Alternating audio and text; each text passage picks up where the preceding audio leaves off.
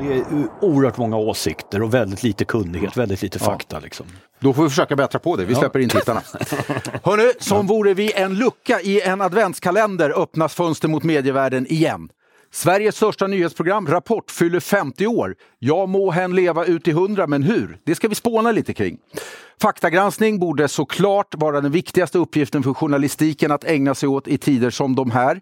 Men vid en konferens om faktagranskning i Kalmar påstods nyligen att svenska medier halkar efter. Hur blev det så? Och är det så? Det ska vi diskutera, faktabaserat såklart. Och så får vi en rapport från Shanghai där Tom Chong tar er bakom kulisserna på den omåttligt populära appen TikTok. Ni hör, det här kan ni inte missa. Alldeles i synnerhet som vi börjar dagens program mitt i nyhetsfåran. Det har varit en höst där rapporterna om skjutningar och sprängningar avlöst varandra i nyheterna. Senast natten till torsdag denna vecka då två män sköts ihjäl utanför en nattklubb i Norrköping. Förklaringen antas vara en av nyhetshöstens absolut vanligaste formuleringar. En uppgörelse mellan kriminella gäng. Vilka gäng? Och varför då? Vad är det de bråkar om? Hur bra har vi varit på att förklara det? För att diskutera det här säger jag varmt välkommen till Oisin Cantwell, nyhetskolumnist på Aftonbladet. Tack så du ha. Eh, Du, eh, vi börjar i en lite vidare ämne. Vi började, både du och jag började på, för transparensens skull, vi började på Sundsvalls Tidning för, för eh, decennier sedan. Väldigt många år sedan, Och ja. bevaka framförallt krimfrågor, rättsfrågor. Polisreportrar var vi, som, Som det det hette, på hette, den, på som den det tiden. hette. Ja. Hur skulle du, om vi öppnar det här lite brett, karaktärisera kriminaljournalistiken? Hur har den förändrats över de här 20 åren nästan som du har varit aktiv och skrivit om detta?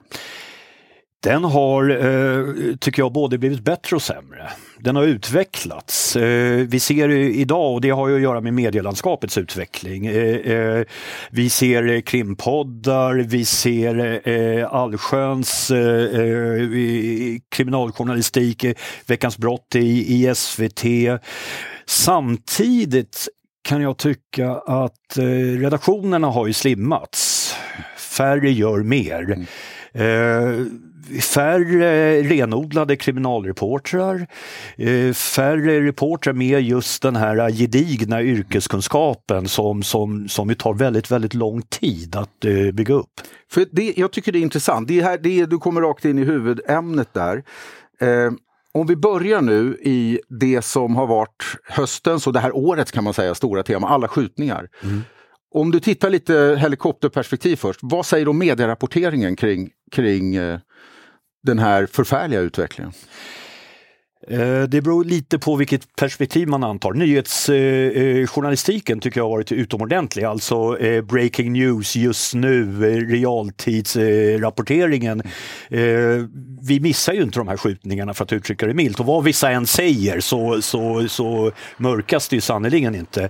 Eh, Däremot eh, sammanhang, analys, förklaring och kanske lite perspektiv. Alltså om, och, och, om, om man idag går ut och frågar 100 människor på stan eh, har det dödliga våldet ökat eller minskat sedan början på 90-talet? Då är min fasta övertygelse är att alla, väldigt många kommer säga att det har ju tveklöst ökat, det är hemskt det här. Va? I själva verket har det faktiskt sjunkit.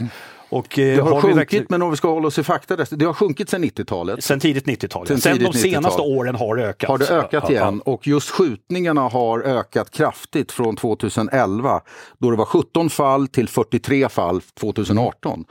Eh, och det beror inte minst på att 2011 började man skilja på dödligt våld med skjutvapen och andra vapen i statistiken. Jo, men alltså, vi har alltså ett dödligt skjutvapenvåld bland unga män är alltså tio gånger så vanligt i, i, i Sverige som i ett eh, hyfsat jämförbart land som Tyskland. Och det, det är faktiskt en oerhörd situation. Det är det, eh, det är det och den har framgått. Men, och jag undrar då en sak, vi ställer i mitt intryck vi i meningen journalist, journalistiken, svenska medier, ställer rätt frågor. Senast i Morgonstudion den här veckan så ställer man exakt frågan vilka ligger bakom det här? Därför att man förklarar att det ligger kriminella nätverk bakom. Men varför ser jag inte vilka nätverk det är? Varför, varför kopplar ingen ihop så att säga de här dåden? Det är en bra fråga och jag tror att det finns fler svar. Ett svar är att det var enklare förr. När du och jag var unga reportrar på 90-talet, då hade vi det här MC-kriget som rasade i Norden. Va? Då var det Hells Angels och Bandidos som sköt varandra. Va? Det var enkelt, det var konkret, det gick att förstå. Mycket av det här vi ser idag, det är lösliga konstellationer, det är gäng som upphör och som slutar. De har inte alltid klatschiga namn som de hade förr. Alltså kort sagt, allt är mer diffust och undflyende. Men, men är det verkligen en, en okej förklaring? Därför att om vi ställer rätt frågor och inte förmår svara. Mm. Det här är väl ett ex, extremt viktigt eh, ämne. För det du är inne på, eller eh, bevakningsområde då, att kartlägga de här strukturerna, mm. även om de förändras. Ja, vi, vi, är ju, vi är ju experter på att kartlägga minsta procentuella förändringar i det politiska landskapet. Och det är ändå ett åttatal partier och så vidare. Det här är ju ett antal nätverk. Ah, eh, ah. som, som för, det, du, det du hänvisar till där, om vi tar det mm. MC-kriget som det kallas, började i Köpenhamn på 80-talet, kom till Sverige på 90-talet. Då såg du intervjuer med företrädarna för de här, alltså så fort någon av de här, de här bytte klubb så var det en nyhet och sånt där. Man hade en koll. Ja, absolut, och de hade ju till och med talespersoner. Ja. Alltså, typ så här pressekreterare eller informationssekreterare eller vad man ska kalla dem. Eh, men, men eh, det berodde ju delvis på att de ville ha det så. Alltså de var ju, det var ju organisationer i ganska konventionell bemärkelse bortsett då från att de ägnade sig åt kriminell verksamhet istället för eh, laglydig. Så är det ju inte idag. Och du sa nyss, frågade mig om det var en okej förklaring. Nej, det är det inte. Men för första var det inget försvar utan det var en förklaring och tror jag också en del av en förklaring.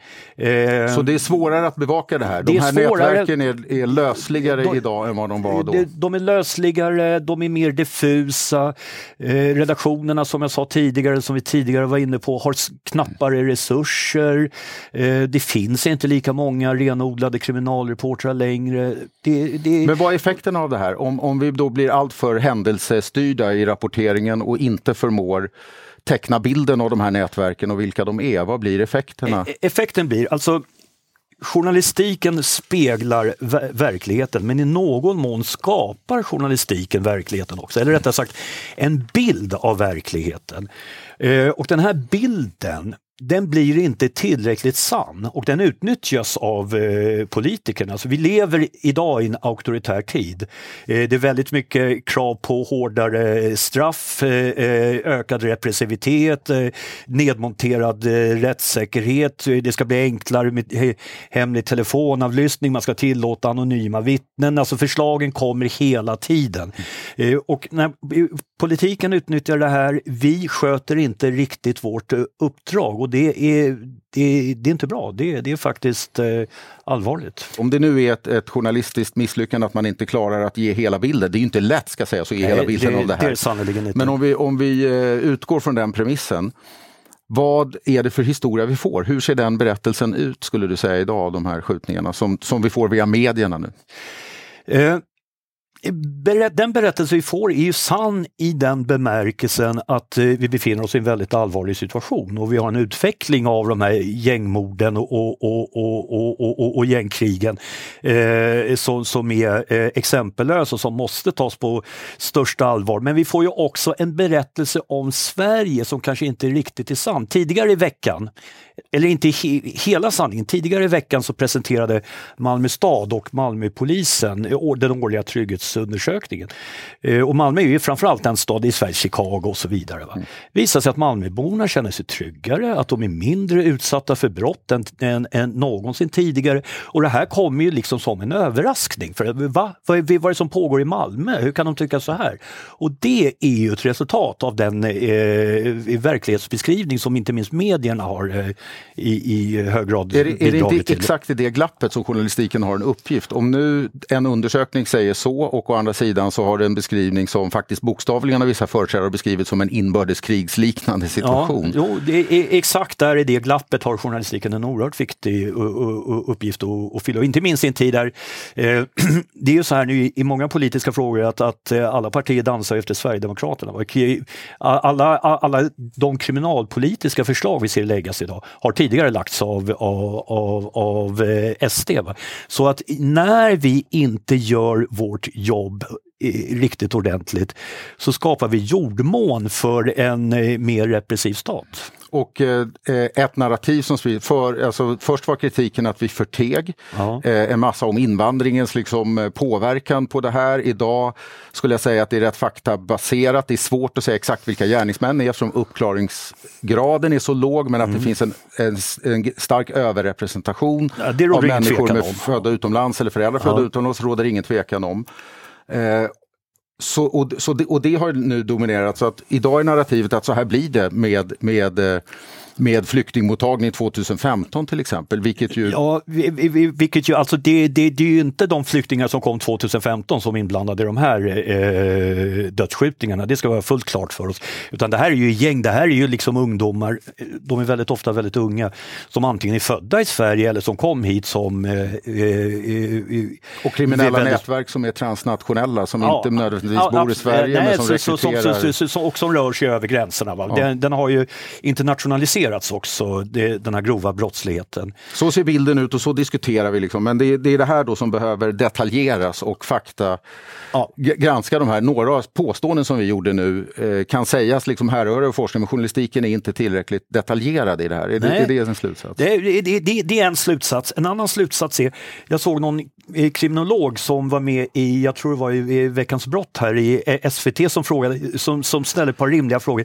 Varför ställer inte journalister frågorna till eh, socialministern, till utbildningsministern? Var är alla de frågorna? För det här är ju naturligtvis ett, ett resultat av ett samhällsmisslyckande som börjar mycket, mycket långt tidigare än att de 2015. Drar fram en Precis, tidigare än så. Va? Skolan, uppväxten, integrationen, alla de här frågorna. Vi, vi, vi, vi är inte tillräckligt bra på att ställa dem och, och, och ställa politikerna, rätta politiker mot väggen. Va? Det är bara justitieministern hit och inrikesministern dit. Va? Det...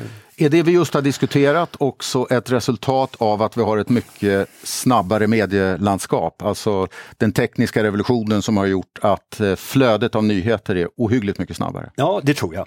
Allt är mycket snabbare. Det är en enorm eh, det, det är press på att vara först, det är också en rastlöshet. Va? Det, eh, och, och, och vi, vi, vi, springer hela tiden vidare till eh, eh nästa story och eftertänksamheten går i någon mån förlorad. Det får bli sista ordet i den här diskussionen. Tusen tack för att du kom hit, eh, Oisin Cantwell. Tack för eh, vi ska nu vidare till medienyheterna i veckan som låter så här. Den kinesiska techjätten Tencent har investerat 19 miljarder kronor i Kuaishou. En av den populära appen TikToks konkurrenter. Det rapporterar Technode. Kuaishou ska ha runt 200 miljoner aktiva användare om dagen. I och med affären kommer Tencent att äga 20 procent av Kuaishou. Karin Pettersson blir Aftonbladets nya kulturchef. Hon tar över efter Åsa Linderborg som lämnade posten i somras. Aftonbladet Kultur ska vara en plats för radikal samhällskritik, för att utmana institutioner och för en mångfald av röster, säger Karin Pettersson till Kulturnyheterna. Karin Pettersson har tidigare bland annat jobbat som politisk chefredaktör på Aftonbladet mellan 2010 och 2018. Innan dess var hon med och grundade tidskriften Fokus. Nu har Rysslands president Vladimir Putin godkänt den kontroversiella lag som gör det möjligt att stämpla journalister som utländska agenter. Det här är en utvidgning från tidigare lagstiftning som tillät att man klassificerade utländska medieorganisationer som agenter för främmande makt. Den nya lagen kommer att träda i kraft omedelbart, rapporterar TT. Yttrandefrihets och journalistorganisationer som Europeiska journalistfederationer har fördömt lagen.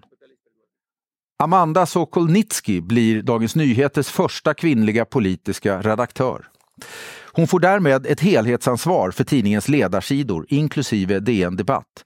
I land efter land ser vi hur antiliberala krafter vinner mark. Sverige är inget undantag och även om det på många sätt gör det svårare att vara liberal idag så blir det också lätt att se vad DNs ledarsida har för roll att fylla, säger Amanda Sokolnitsky till den egna tidningen.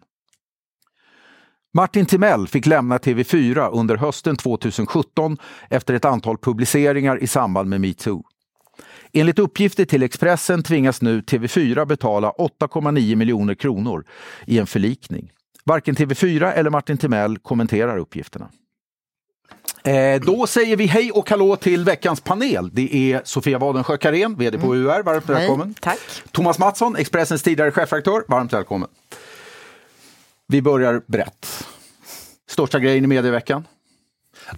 Jag tycker ur ett medieperspektiv så är det ju att SVT backar från tablåkriget vid 22-slotten. Alltså det är störst? Ja, men det är väl ändå, tycker jag, vi råder fri konkurrens. Ni konkurrerar på morgonen, ni konkurrerar hela dagen. Det finns ju ganska många aktörer som sänder nyheter klockan 22. Radion gör det, Expressen TV gör det, säkert ännu fler. Ni vill sända nyheter, TV4 säger ifrån. Här i den här stolen, det var ju klassisk TV när Karsten Almqvist liksom hytte näven mot dig. Och du Verkligen. sa att du tänker nog inte backa, men så gjorde du det i veckan. Ja. Berätta! Jag gjorde det. Eh, det är intressant att du, att du säger så. Det är den första rösten eh, som, som går åt det hållet. Men jag, vi har haft diskussioner med fyran, en del av dem öppna här eh, som sagt och andra mer naturligtvis bilateralt som man säger. Men eh, jag, min bedömning är att det är fel fight. Jag hade underskattat hur viktigt det här var för TV4. Eh, min initiala hållning var den som du beskriver ungefär. Det är ju massa saker som läggs mot varandra. Det här tyckte jag var två olika erbjudanden. En lokal sändning mot en hel nyhetsrikstimme. Så har inte TV4 uppfattat det. Eh, och eh, då rannsakade jag mig, tänkte igenom och tänkte så här, men Måste jag lägga det där? Nej, det kanske går att göra på något annat sätt. Därför att mitt, mitt, min avsikt här, eller vår avsikt har inte varit att, att ställa till det för TV4. Vi måste flytta lokala nyheter till SVT1. Eh, dels vi... Det är en teknisk fråga, det handlar om pengar. Exakt, det är en teknisk fråga i grunden. Vi kommer inte från 2021 att kunna bryta ner SVT2 lokalt. Eh, till det kommer att vi vill också lyfta fram lokala nyheter. Till, och SVT1 är den kanal som har den större publiken av de två. Så det var det som låg bakom. För, för som, tittare, förlåt, uh som tittare tror man ja. att det råder ett tv-krig här med konkurrens. Så vet man att SVT och TV4 snackar ihop sig om att buda på, på olympiska spel eller fotbolls-VM. Men hur ofta diskuterar ni ihop er kring nyheter? In, aldrig. Kring själva, Utom nu den här veckan? Nej, inte kring publicistiska nyheter, men det här är ju mer en strukturfråga. Eh, och där vi som public service också förväntas, det är ju mm. ganska tydligt i sändningstillståndet att vi förväntas mm. lyssna och ha ett samspel med liksom kommersiella medier. Dock hävdar jag att just det argumentet red TV4 för hårt. Därför att, därför att TV4 är eh, Sveriges starkaste medieföretag som nu har historiskt starka ägare. Det här argumentet handlar om lokala medier. Eh, och där har vi också en, en, en diskussion. Jag bara undrar en sak här och det är, det tog ändå några veckor från det här eh, som hände i den här studion. Jag satt med då och ja. såg detta utbrott. Men eh, sen tog det ganska lång tid ändå. Det, Kasten var ju tillbaka här i studion och så här, och då funderar jag lite på vad som hände under de här veckorna. Har det, har först, det har naturligtvis eller? först diskussioner. Det var när Eva Hamilton klev in. Ja, det var, det, och, döm, och dömde av. Det är underbart. Nu får vi alla, alla spekulationerna. Nej, så var det faktiskt inte. Eh, men testa att lägga tablå någon gång Sofia, ska du få se hur lätt det är. Eh, det tar en tid ja. och eh, det vi säger nu, det är vi behöver faktiskt mer tid för att lösa det. Jag har ett antal förslag, inget av dem tillräckligt tydligt eller bra. Därför ligger vi kvar tills vidare och behöver en tid in i våren nu för att se hur vi ska lösa det. Jag tror kanske om man, om man lite mera vänder på perspektivet så att tittarna, om man vill titta på nyheter, mm. då kanske man inte gillar tv-kriget utan då vill man ju att det finns olika slottar. Man vill se både lokala nyheterna ja, så, så och riksnyheterna. Så Ur ett publikt perspektiv ja. så finns det ju naturligtvis, det var ju ett av TV4s eh, starkaste argument mm. tycker jag, att eh, det här valet gynnar inte publiken. Nej. Och det är klart, kan man undvika en sån krock så är det bra. Men, men jag hade för mitt bästa, hur gör vi bäst för, för eh, SVTs publik, för lokala nyheter? Det ska vi återkomma till. Mm. Eh, förra veckan så nämnde Karin Pettersson som då var här att det här håller på att urarta till fönster mot public service. Eh, det, det, fortsätter vi med just nu. Mm. Eh, därför att vi har skäl. Rapport, Sveriges största, eh, eh, inte dock äldsta, Aktuellt är den äldsta nyhetsprogrammet i Sverige, men eh, Rapport fyllde 50 år i veckan. Eh, fantastiskt många legendarer var på plats i TV-huset. Alla från Kristina Jutterström, John Pohlman, Elisabeth Hedborg, Åke Wilhelmsson, Claes Elfsberg, många fler eh, var där. Eh, och då blir min fråga till er, hur mår Rapport idag, 50-åringen? Jag tycker Rapport mår bra. Jag tycker att alla de här gamla institutionerna, de blir alltid så ängsligt att man måste ändra och det ska bli nytt och vad ska det vara i framtiden? Vad ska Rapport vara om 50 år? Men om man tittar bakåt i all utveckling när det gäller media så lägger vi till hela tiden. Mm. Men vi, väl, vi tar ju väldigt sällan från för att vi har ju behov av de institutioner som finns och tittarna vill ha kvar, de användarna vill ha kvar alla de här, men de vill också ha nya sätt att konsumera på. Mm. Och det kommer Rapport behöva göra. Men jag tror att eh, det här redaktörade som Rapport är och, mm. och, som nyhetsprogram är, att du sätter dig ner och du får saker som du inte själv har valt och klickat på. Men det här traditionella som man pratar om med papperstidningar också, man får det här som man inte själv aktivt ser och där jag är intresserad av. Det redaktörer tror jag kommer ha en plats framåt också. Det redaktörade eller det kurerade med ett Ja, nyord eller ja. det sorterade Ja, på svenska. ja, Alltså, Summerande kanske man ska säga om Exakt. rapport. Ja, är, det, är det Rapports position idag egentligen, att vara summerande? Man går kanske inte dit för att få reda på vad har hänt idag, utan vad var viktigt idag? Jag tror att man kanske faktiskt tittar på Rapport för att svara på frågan vad har hänt idag? Men det kanske inte vad händer just nu? Utan det är ju ett program som lite grann binder ihop en nyhetsdag Sammanfattar. för den som inte har tittat. Det jag tycker är slående när man ser de här klassiska bilderna. Vi hade ju i helgen så uh, Nent, Viasat, Viaplay firade ju 50 år med Tipsextra med bilder från Sveriges Television och TV4 och Kanal Plus. Det som är slående är att okej, fotbollen är väl lite snabbare och lite bättre, men den största utvecklingen har ändå skett i studiorna. När man tittar på studior från 50 år och framåt, då blir man ju generad. Och samtidigt inser man att varje gång man har sett de här studierna när de sändes, då såg de ju jättefräscha ut och supermoderna. Men tv-studior verkar åldras väldigt dåligt. Och vad säger ni om den nya? Rapport sändes ju då på sin 50-årsdag från en ny studio denna vecka. Hur, vad, vad säger ni om den? Jättefin.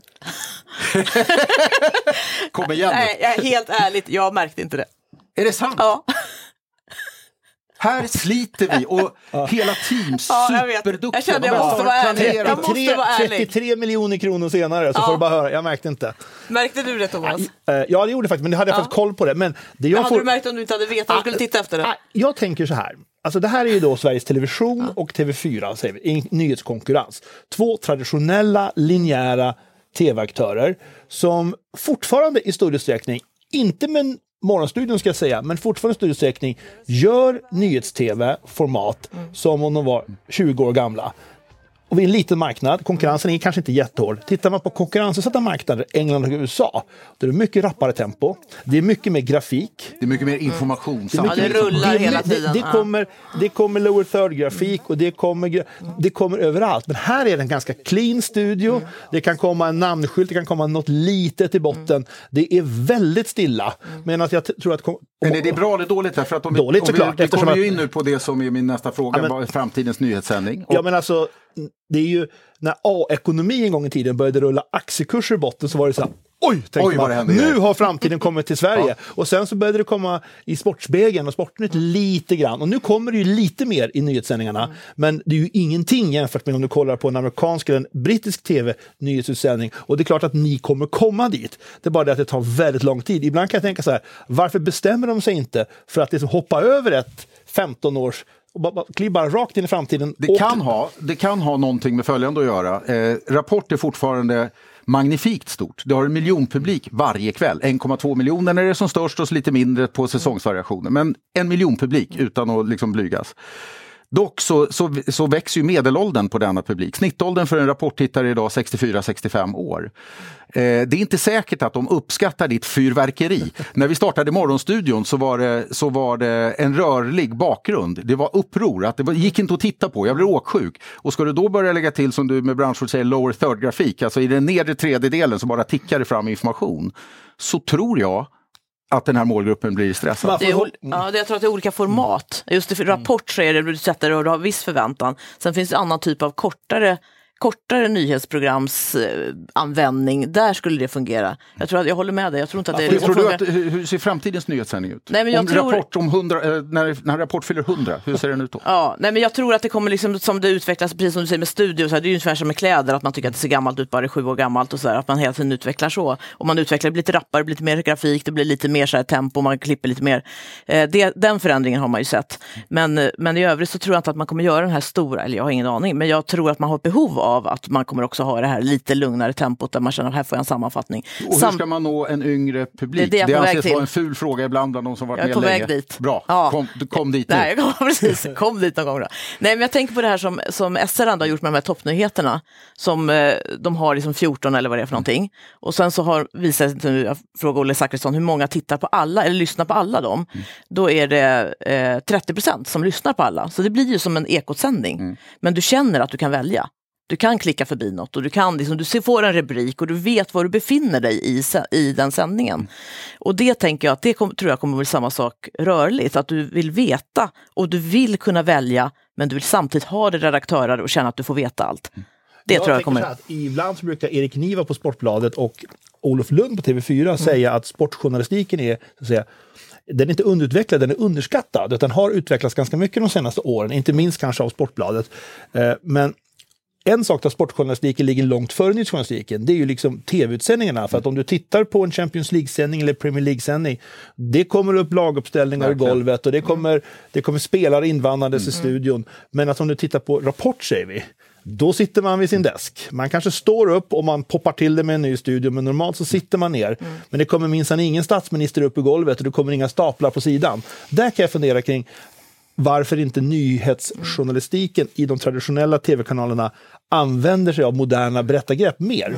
Mm. Vi får se, vi säger grattis Rapport. Eh, det grattis. är som en Mona Lisa, vi ändrar försiktigt, försiktigt. Eh, så här i Nobeltider hörni, så är vi ju eh, där vi hyllar vetenskap och fakta så tänkte jag att vi skulle gå vidare med just fakta och faktagranskning i journalistik. Det har blivit en nästan egen genre faktiskt internationellt och man ser en massa utveckling. I Sveriges Radio i veckan kunde vi höra ett reportage av Beatrice Jansson där hon var på en konferens på, på eh, Fujo i Kalmar där experter menade att Sverige har halkat lite efter eh, i den här utvecklingen. Håller ni med om det? Ser vi för få initiativ på utveckling av faktagranskning i journalistik? Ja, just nu gör vi ju det eftersom viralgranskaren var ju så otroligt stark och ett väldigt starkt koncept. Metros viralgranskare Metro, nedlagt. Ja, precis, nedlagt. Och sen den här Faktiskt som var inför valet som var samarbete mellan Svenskan, DN, SVT och SR. Mm. Som också, men som var tänkt då att det skulle vara inför valet som inte heller finns kvar. Och nu så har då DN någonting som, som liksom går åt det här hållet eller som är det här. Men i övrigt så alltså det känns som att det är en nisch som bara står öppen och att ingen riktigt tar den. Eh. Dagens Nyheter ska sägas har ju sin fakta i frågan med Kristoffer mm. Örstadius. Eh, förtjänstfullt tycker jag. Alltså Där använder man väl... lite modernt berättande med grafik som kommer upp i mm. golvet mm. i rörlig bild och så. Så är det, men varför, varför har den inte fått fler efterföljare? Jag vet, alltså jag vet inte riktigt hur eftersträvansvärt egentligen, eftersträvansvärt egentligen är med sådana här centrala initiativ med think tanks eller grupper av journaliststudenter som ska samarbeta med Google eller Facebook och sitta där och fundera kring, är det här en politisk annons som är godkänd? Är det här en påhittad nyhet? Utan i, grunden är det väl, DN-exemplet är väl jättebra, i grunden är det väl så journalistik som ska göras. Vi har inte riktigt den traditionen. I amerikanska medier är det ju så fort det är en debatt med några presidentvalskandidater, ja då kommer det ju på de stora morgontidningarna varenda citat faktakollas, och de räknar ju. Man kan ju om det är Washington Post tror jag, som har liksom räknat antalet lögner som Trump har sagt sedan han blev president. Mm. Men vi har inte riktigt den traditionen här i Sverige, utan vi, det blir som en del av en nyhetsförmedling. Om man står i Agenda och säger något felaktigt, då blir det liksom en nyhetsartikel med en vinkel. Det är inte någon sorts nästan akademisk kartläggning som man har i, i, de här medierna. Det blev ju en kritik mot det här initiativet, eh, Svenska Dagbladet, DN, Sveriges Television och Sveriges Radio under valet. Eh, lite konspiratoriskt kanske om du frågar mig. Här har man gått ihop och ska nu bestämma vad som är sanningen. Fast egentligen, enligt mig som var delvis ansvarig för projektet, att att eh, utveckla egentligen metod för faktagranskning. Vad säger ni om den kritiken? Vek man ner ett sånt här projekt på grund av den kritiken? Eller vad? Det var ju tänkt från början att det skulle vara tidsbegränsat, det kanske inte var därför man vek ner sig, men möjligen att man blev rädd eh, kanske och liksom fortsätta eller ta vid med ett annat initiativ. Men jag tycker att det är synd, vi måste, jag tror att det här norska exemplet faktiskt, som väl var, jag tror att det var det, var för, det som en var, förlaga. Ja, precis. Eh, den, där har man ju gjort en egen redaktion som sitter och eh, är liksom helt fristående och jobbar med det här och har blivit liksom nyhetsdrivande.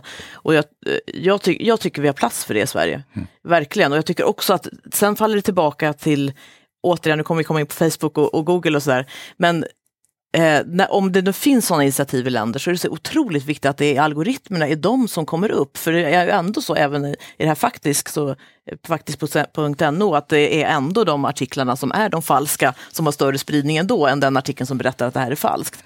Och där finns det liksom, skulle, skulle de initiativen finnas i varje land så tycker jag att man skulle kunna ställa jättehöga krav på Facebook och Google att, att det här måste upp i algoritmerna. Jag har en, en tes här i det du beskriver är att just de här algoritmerna, den utvecklingen har gjort att Journalistiken föds egentligen i en tid när medborgaren är underinformerad. All ny information som kommer ut gör nytta så att säga i mm. demokratiskt perspektiv. Mm.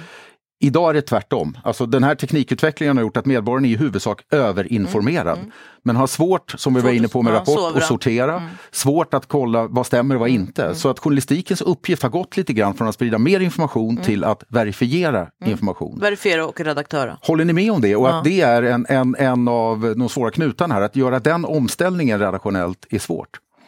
Ja, och kanske också att den som sprider information inte alltid har de ädla syften som journalistiken historiskt har haft. Och att hjälpa människor att in, inte bara tillföra informationen utan att liksom, sortera bort. Mm. Men en intressant sak är det här också, vi har, jag jobbar ju på UR som jobbar väldigt mycket med det här med liksom källkritik och hjälpa folk med att försöka genomskåda det som sker och sådär eh, i digitala eh, kontexter. Och vi gjorde en undersökning i våras, eller i höstas om eh, hur, hur bra är man på källkritik? Och fyra av tio svenskar tycker att det blir svårare med källkritik.